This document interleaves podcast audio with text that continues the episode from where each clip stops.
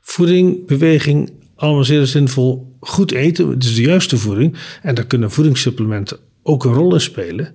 Maar je moet niet denken dat die je afweersysteem gaan aanpassen, gaan veranderen. Leuk dat je luistert naar Immunologisch Toch, de podcast over het menselijk immuunsysteem, oftewel de verdediging van ons lichaam. Er is veel onduidelijk rondom ons immuunsysteem en steeds meer mensen gaan toch inzien dat wij al sinds de eerste mens op aarde beschikken over een geweldig verdedigingssysteem. Maar hoe logisch is dat systeem nou eigenlijk? Wat weten we er nu echt van en wat kan er nog meer zonder dat wij dat weten? Hoe kan het ons genezen in de toekomst? En hoe kunnen we ziektes voorkomen? In deze podcast ga ik, Jules Brouwer, samen met hoog aangeschreven immunoloog professor Jacques van Dongen proberen deze onzichtbare wetenschap zichtbaar te maken. Veel luisterplezier.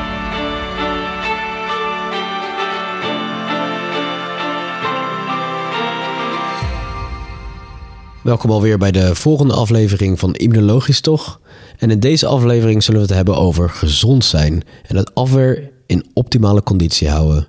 Want iedereen probeert dingen te doen en te nemen om het immuunsysteem te verbeteren, maar in hoeverre is het eigenlijk mogelijk om je immuunsysteem te verbeteren? Dus in eerste instantie, goedemiddag. Hallo, Gilles. Daar zijn we weer. En ik wil eigenlijk beginnen wat ik, wat ik al eerder heb gehoord, is de, wat is gezond zijn eigenlijk? Gezond zijn is vooral het lichaam in evenwicht hebben. Dat wil zeggen dat eigenlijk alles in optimale conditie is. Dat is gezond zijn. En onder die omstandigheden zal ook het afweersysteem het meest optimaal functioneren. Wat, is, wat betekent het eigenlijk om gezond te zijn? Gezond zijn voor het afweersysteem is vooral het voorkomen van uh, onnodige ontstekingen ontstekingen die vermijdbaar zijn. Een klassieker is natuurlijk als je het afweersysteem fors belast met veel materiaal dat opgeruimd worden, moet worden. Want het afweersysteem uh, de ruimt dus ook dingen op. Want we, weten, we weten nu, het afweersysteem vecht. Het vecht voor ons lichaam om het te beschermen. Maar een hele andere grote taak is het opruimen van weefsel, van cellen, van nou ja, eigenlijk van alles. Dat is een uh, hele goede opmerking. Dat is een continu proces. In ons lichaam is er continu aanmaak en dus ook afbraak van weefsel. Dat is een continu proces door je hele leven heen. En wat is afgebroken, dus de dode cellen, in feite nog voordat de cellen doodgaan, ruikt ons afweersysteem al dat er iets aan het gebeuren is en dat er materiaal opgeruimd moet worden. En dat zijn inderdaad de vreedcellen in onze weefsels de zogenaamde weefselmacrofagen. Dat zijn echt opeetcellen die cellen nog voor ze echt dood zijn al, op, al opmerken en ze zullen opeten. Dus ze weten al, hé, hey, er gaat een cel dood, of er is een cel net dood gegaan, of er is al iets, of een stukje weefsel of iets. Uh, en die komen dus eigenlijk in actie. Dus het afweersysteem moet dan direct in actie komen. Of komt dat ook direct komt, in actie? Komt ook gelijk in actie. Dat is een vloeiend proces wat in al onze weefsels plaatsvindt. Want in al onze weefsels vindt aanmaak en daarbij hoort de afbraak van de oudere cellen plaats. En, en dat opruimen, dat zijn eigenlijk onze vuilnismannen. Dat zijn de weefselmacrofagen, de weefselvreedcellen, die dat keurig voor ons eh, doen, continu doen.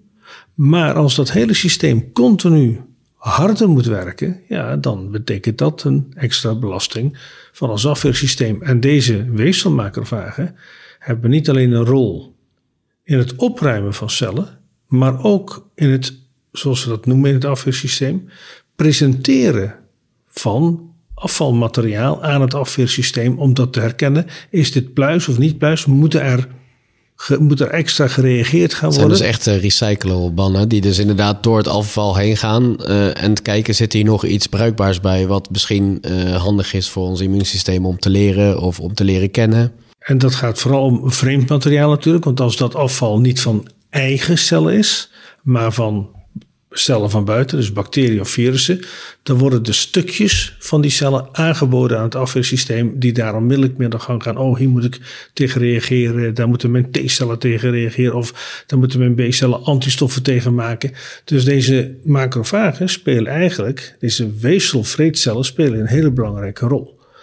Als dat systeem onnodig belast wordt, doordat er extra veel materiaal moet worden opgeruimd, bijvoorbeeld bij mensen die roken, zal, zullen in de longen zullen heel veel extra cellen nodig zijn. En dat zijn niet een beetje extra cellen, zo van uh, factor 2 of 3. Dat, gaan, dat gaat om factor 50 of 100 meer van deze afweercellen. En misschien nog wel veel meer. Vergeleken met het niet-roken. Met vergeleken met het niet-roken, inderdaad. Uh, om, om alles weer in balans te houden. En dat is een extra belasting. Ook mensen met overgewicht, ook daar, dat zou je misschien niet onmiddellijk denken, vindt continu aanmaak en afbraak van cellen plaats. En dat is heel veel extra massa waar het afweersysteem aan de gang moet om dat op orde te houden. Dus dat zijn belastingen die extra zijn. Dus iedere vorm, eigenlijk zijn dat allemaal ontstekingsreacties. We praten eigenlijk over, kunnen wij, om de balans op orde te houden in het lichaam, dit soort ontstekingsreacties juist voorkomen? Als wij door levensstijl kunnen zeggen, nou, we gaan deze ontstekingsreacties verminderen, dan draagt dat in feite bij aan het op peil houden, op conditie houden van het afweersysteem. En dat, dus de, eigenlijk is het een afleid, al die, al die zaken waar we het net over hadden, en vooral dat opruimen van die, die, die, die cellen en het presenteren aan het afweersysteem. Als die dingen niet nodig zijn, dus als het komt door bijvoorbeeld een levensstijlkeuze, dan heeft het, uh, is het afweer gewoon afgeleid. Het, wordt, het heeft minder tijd om zich dus te focussen op de, op de echte oorlog in dit geval, wanneer er een nieuw uh, virus of een nieuwe bacterie binnenkomt. Dus eigenlijk hebben we te maken met een war on two fronts. Dus een, een, een, gevecht aan, aan twee fronten, wat betekent dat het afweersysteem zich in, of in twee moet splitsen, of uh, uh, dus ook inefficiënt is op, op beide vlakken, op beide fronten, of moet kiezen. Klopt. Maar het kiest, het, het kiest niet, denk ik. Het zal altijd splitsen het zal altijd op twee fronten gaan werken. Het kan niet anders, want dat zijn de signalen die het afweersysteem krijgt. Het afweersysteem zal doorgaan op beide fronten. En dat gaat dus ten koste van de beide fronten. Ja.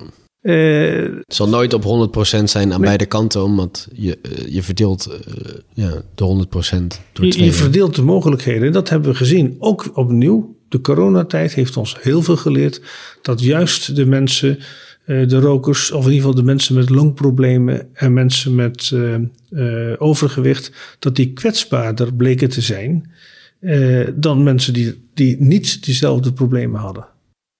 Maar er is dus ook nog een heel stuk genetisch bepaald, lijkt me. Dat gaat er nog eens een keer dwars doorheen. Daarnaast komt ook nog dat een heel groot deel van de effectiviteit van ons afweersysteem puur genetica is dus dat betekent hetgeen we van onze ouders hebben gekregen, van vader en moeder, via de genen, speelt er ook nog een keer een rol in. En de een zal minder snel verouderen dan de ander. Dat is gewoon bekend. Dat zien we fysiek aan de mensen zelf. Maar wat je fysiek ziet, dat gebeurt ook binnen het afweersysteem. En dus ook dat sommige mensen meer aanleg hebben om uh, ondertussen ontstekingen te hebben, die dus zorgen voor zo'n oorlog op twee fronten. Dat is een nadeel. En dan is het niet te voorkomen. Dan wordt het heel lastig. Dat klopt. Dat hebben we, ook dat hebben we in de coronatijden gezien. Dat mensen met ontstekingsreacties, auto-immuunziekten, zijn kwetsbaarder. Uh, en dat klopt. Dus het afweersysteem op twee fronten is een uh, slechte zaak. En dat wil je zo goed mogelijk onder controle houden. En het lichaam dus in een goede conditie houden. Voorkomen dat er een gevecht op twee fronten hoeft plaats te vinden. Dat helpt enorm als je met een nieuwe bacterie of virus in aanraking komt. Je moet het dus gewoon het afweersysteem niet afleiden of proberen zo min mogelijk af te leiden van de echte zaak waar zij voor staan. Kijk, het afweersysteem is zeer betrouwbaar, maar een gevecht op twee fronten, dan lever je altijd in.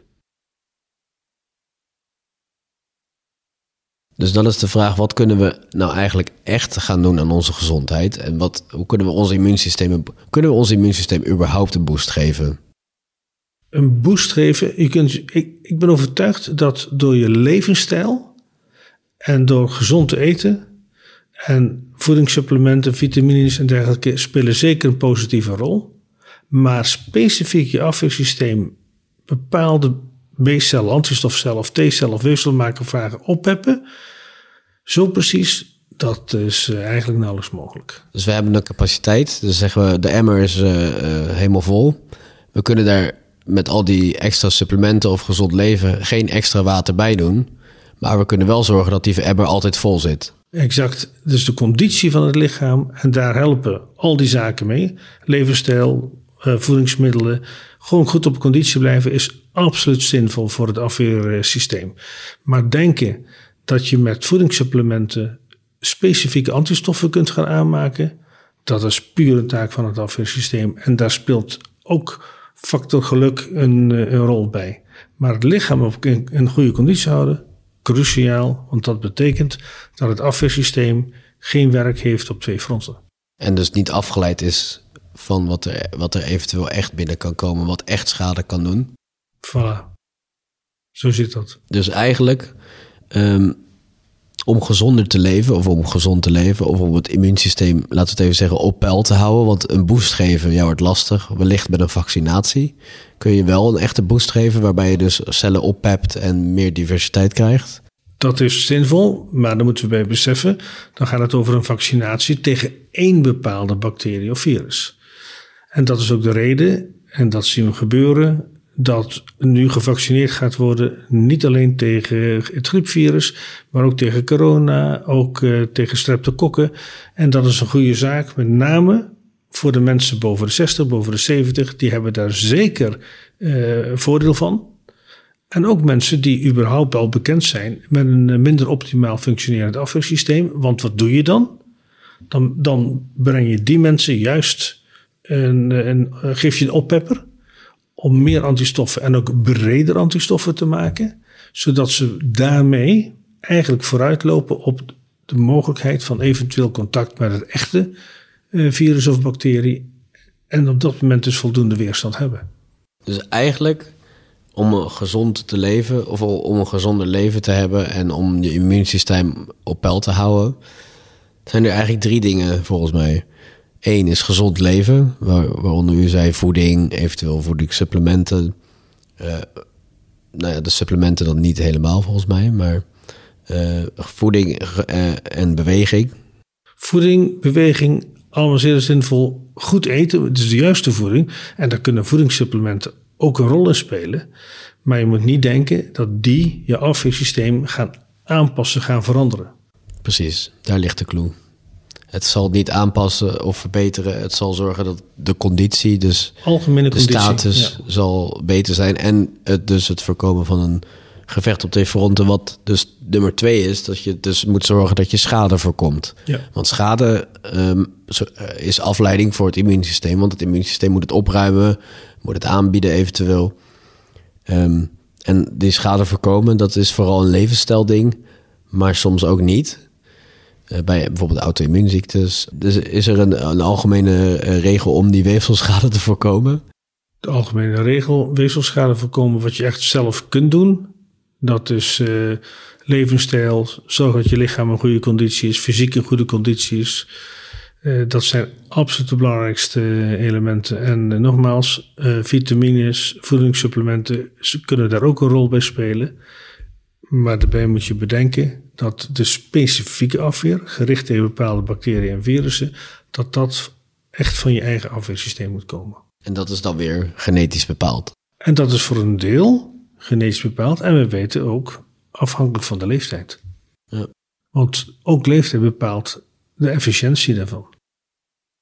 En dan komen we bij punt drie. En dat is eigenlijk dat je ook bij extra risico's, dus als je weet dat je een risicofactor hebt of een risicogroep bent, dat je daar dus ook extra gaat oppassen. Extra alert zijn, zodat uh, je weet als je bacterievirussen tegen kunt komen, dat er niet een situatie ontstaat, of in ieder geval probeert te voorkomen, van afweersysteem laten werken op twee fronten. En daar ligt nog steeds de clue eigenlijk. Want het hele, het hele uh, gezondheid en ontstekingsverhaal is het gevecht op twee fronten voorkomen, waardoor je dus je afweersysteem um, ja, de tijd en de ruimte geeft om de dingen die belangrijk zijn aan te pakken. Kijk, gelukkig heeft in de geneeskunde ook andere mogelijkheden, want wij kunnen, dankzij de westerse mogelijkheden, allerlei soorten antibiotica hebben, allerlei soorten antischimmelmedicatie. We kunnen zelfs antistoffen toevoegen door eh, uit uh, de bloed van andere personen de antistoffen te halen en die toevoegen. Er zijn dus extra mogelijkheden, gelukkig, om bovenop het eigen afweersysteem nog in te grijpen, zodat de infectieproblematiek die uit de hand loopt, toch kan worden aangepakt. En dan praten we over infectieziektebehandeling.